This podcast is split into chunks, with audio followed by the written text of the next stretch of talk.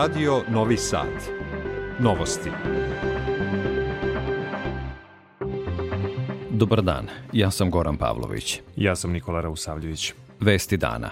Skupštini Srbije dostavljen izveštaj o pregovorima Beograda i Prištine za sednicu o toj temi. U poslednjih 11 godina Srbija najlošija po indeksu korupcije, saopštava Transparentnost Srbija. Oko 27% građana naše zemlje konzumira cigarete, saopšteno na Nacionalni dan bez duvanskog dima. Uzbune za vazdušnu opasnost u više ukrajinskih regiona. Protestujući zbog paljenja Kurana, demonstranti u Džakarti palili zastave Švedske, Danske i Holandije. Košarkaši Partizana večeras dočekuju francuski Asvel u Euroligi. U Vojvodini do kraja dana pretežno suvo i vetrovito – Sutra oblačno sa temperaturom do 10 stepeni. Prema poslednjim merenjima u Novom Sadu je 6.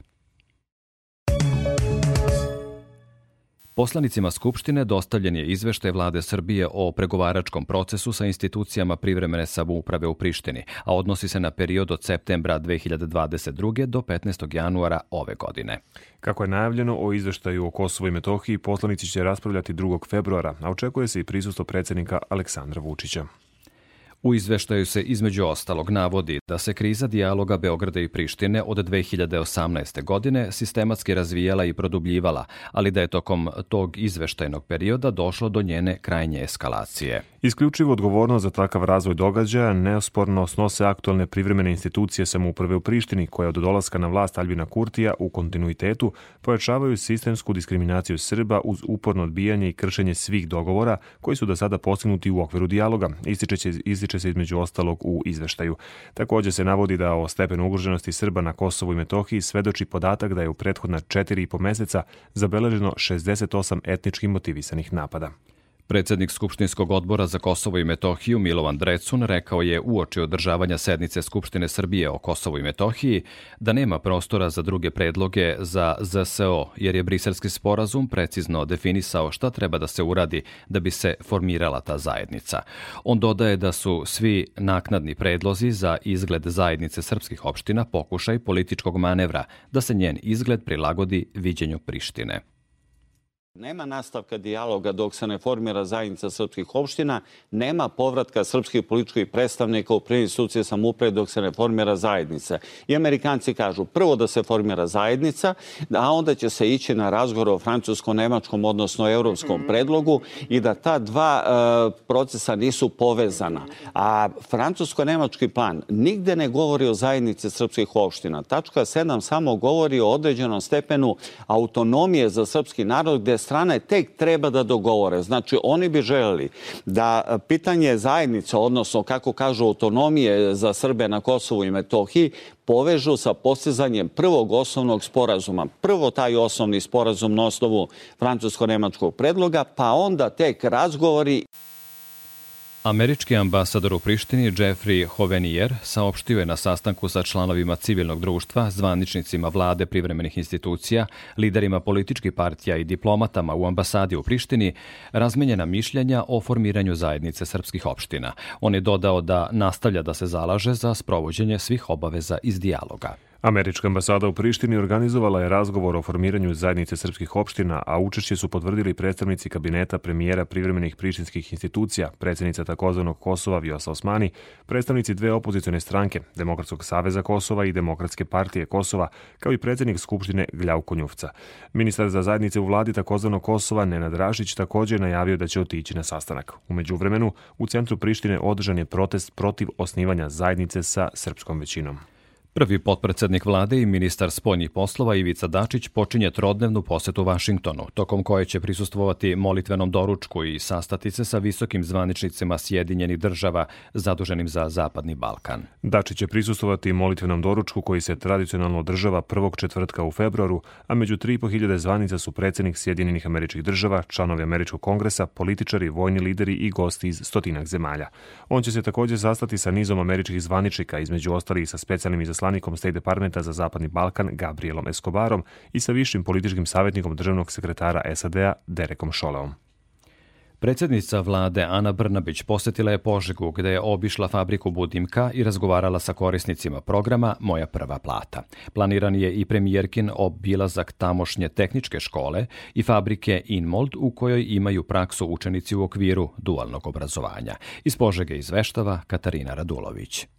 Preko programa Moja prva plata zaključeno je 9380 ugovora sa mladim ljudima do 30 godina. Samo u Zlatiborskom okrugu u ovaj program uključeno je 328 kompanija u kojima u ovom trenutku rade 424 mlade osobe. Jedna od njih je i kompanija Budimka u kojoj trenutno ima šest ljudi zaposleno preko programa Moja prva plata. Budimka je inače privatizovana 2020. godine, a kupila ju je domaća kompanija ITN Grupa iz Kosjerića. U ovom trenutku zapošljava stotine ljudi i ima ambiciozne planove i za dalje ulaganja, ali i za izvozu ovoj godini. Pronađen je način da se pomogne investicijama Budimka i to posredstvom evropskih IPARD fondova preko Ministarstva poljoprivrede u visini od miliona evra. Do sada se inače ovu kompaniju uložilo preko 10 miliona evra, a danas je dogovoreno da sledeće nedelje dođu na razgovor u vladu Republike Srbije kako bi se videli na koji način mogu da se ubrzaju investicije preko Fonda za razvoj, što je izuzetno značajno i za poljoprivredu i za prehrambenu industriju u Srbiju, jer imaju ugovore sa preko 400 kooperanata. Inače, premijerka je danas rekla da je Budimka dobar primer kompanije koja sarađuje sa vladom Republike Srbije i u obrazovnom sektoru preko dualnog obrazovanja, ali i preko programa Moja prva plata.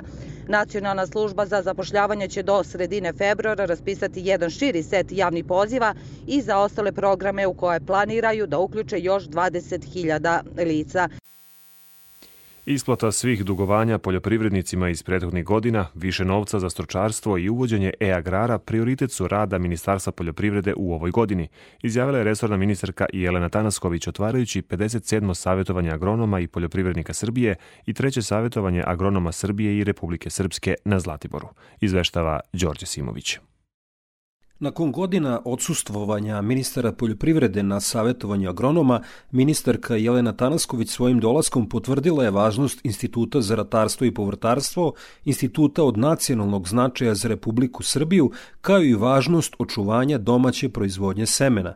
Prisutne je najviše interesovalo kada će država isplatiti podsticaje poljoprivrednicima koji godinama čekaju na rešenje Uprave za agrarna plaćanja kako bi im novac bio isplaćen.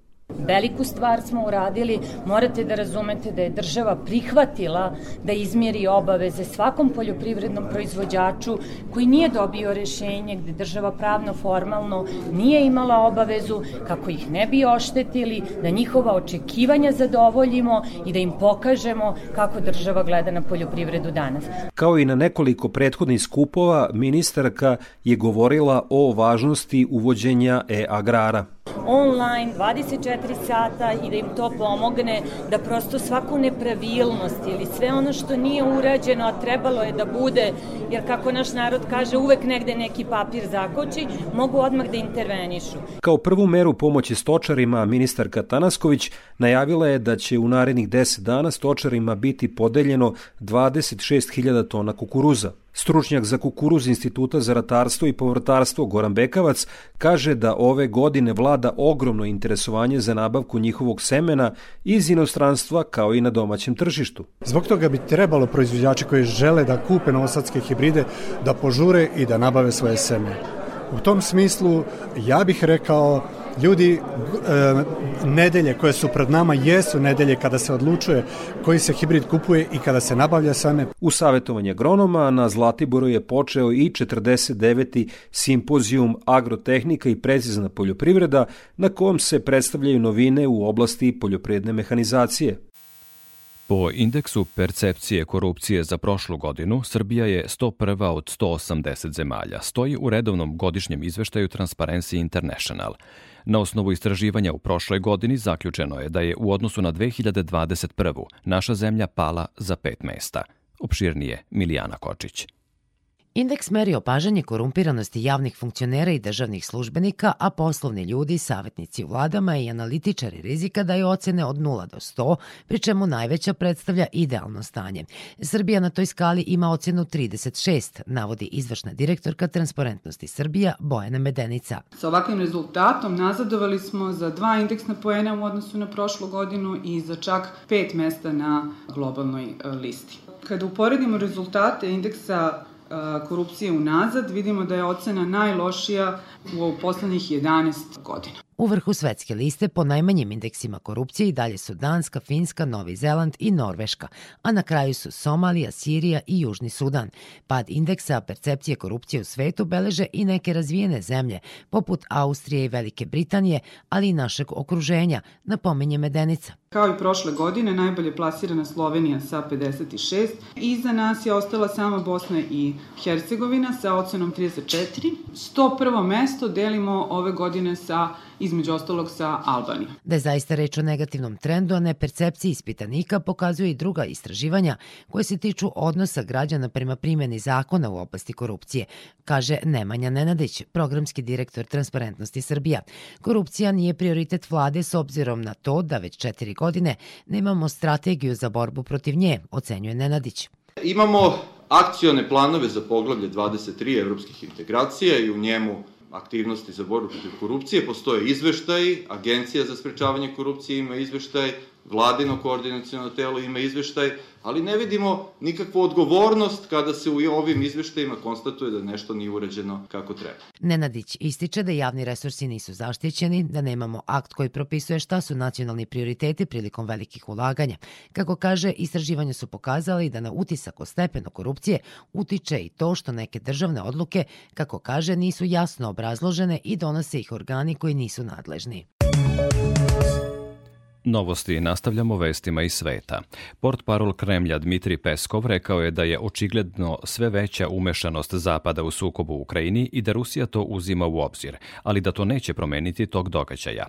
Norveški ministar odbrane Bjorn Arild Gram rekao je da će ta zemlja poslati tenkove u Ukrajinu što je premoguće.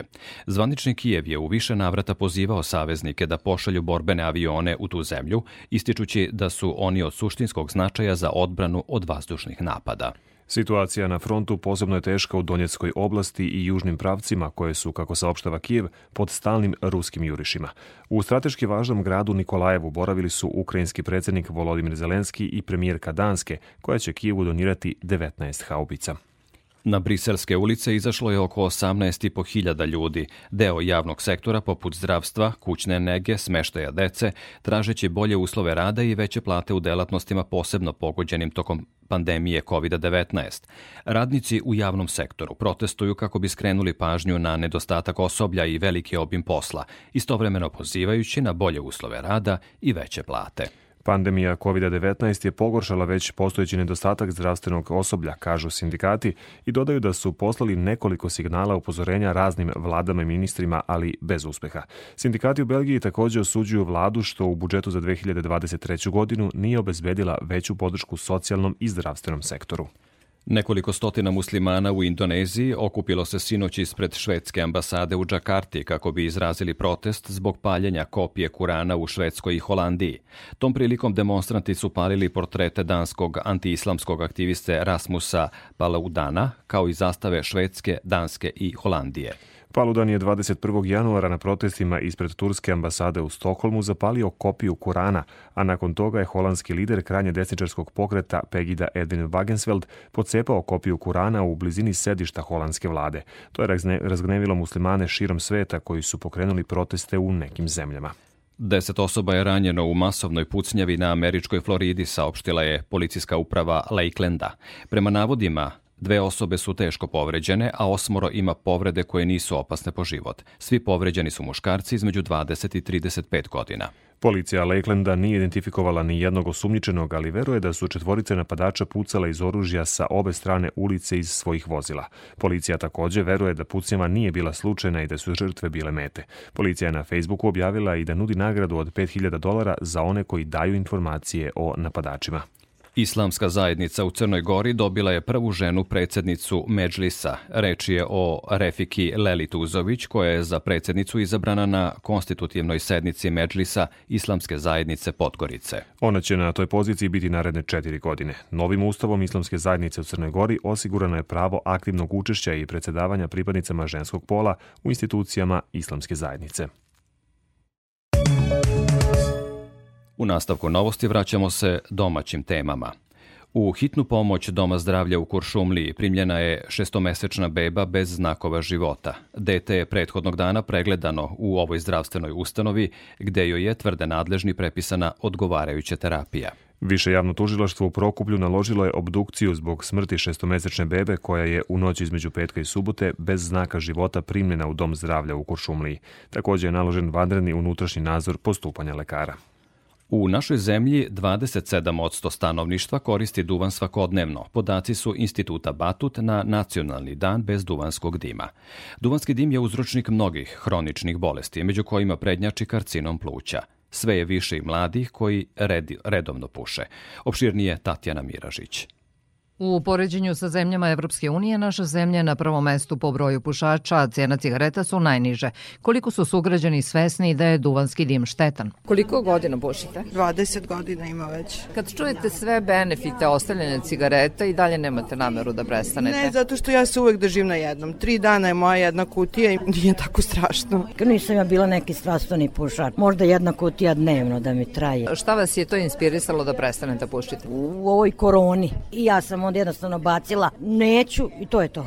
Zabluda je da elektronske cigarete kao i nargila koja je posebno popularna među mladima nisu opasne po zdravlje, kaže rukovodilac savjetovališta za odvikavanje od pušenja Vesna Imbronjev. Jedan sat pušenja nargile je kao da ste popušili 100 cigareta. Duvanski dim najviše šteti respiratornim organima kao i srcu i krvnim sudovima. A šta se dešava kada ostavimo duvan? Odmah imamo benefit da srce mnogo bolje radi. Za 12 sati već počinje polako krvni pritisak da se normalizuje, imamo više kiseonika, bolji nam je san. Sve više pušača se u Srbiji okreće rezanom duvanu koji je pristupačni, kaže direktor Instituta ekonomskih nauka Jovan Zubović. Taj proizvod se kupuje bez ikakvih akciza i to se kupuje u nelegalnom pakovanju bez akciznih markica, tako da cena između uporedive količine rezanog duvana i cigareta ide čak i do puta tri. Ukupni troškovi zdravstva u Srbiji za bolesti koje izaziva pušenje nose učešće od 38%, dodaje Zubović. Otprilike odnos je da 60% troškova ima država na sebe, dok 40% troškova preuzimaju domaćinstvo, odnosno stanovništvo samo. I ukupan iznos kada se sve ovo sabere zajedno negde oko 200 miliona eura na godišnjem nivou. Pokrajinski sekretarijat za zdravstvo pokrenuo je pilot projekat screening CT pluća za rano otkrivanje raka na Institutu za plućne bolesti Vojvodine i sporta, ukratko za novosti. Košarkaši Partizana večeras od 20.30 u Beogradskoj Štark areni dočekuju francuski Asvel u Euroligi, dok Crvena zvezda pola sata kasnije gostuje Virtusu u Bolonji. Od marta prošle godine 2,5 miliona putnika prevezlo se vozom na relaciji Beograd-Novi Sad tokom perioda promotivnih cena voznih karata. Od sutra cena vozne karte za odraslu osobu za drugi razred Intercity voza Soko na relaciji Beograd-Novi Sad iznosit će 603 dinara sa uključenom rezervacijom mesta. Podsećamo da se karta za Intercity vozove ne može kupiti kod konduktera u vozu, već isključivo pre polaska na blagajni, na staničnim automatima i online.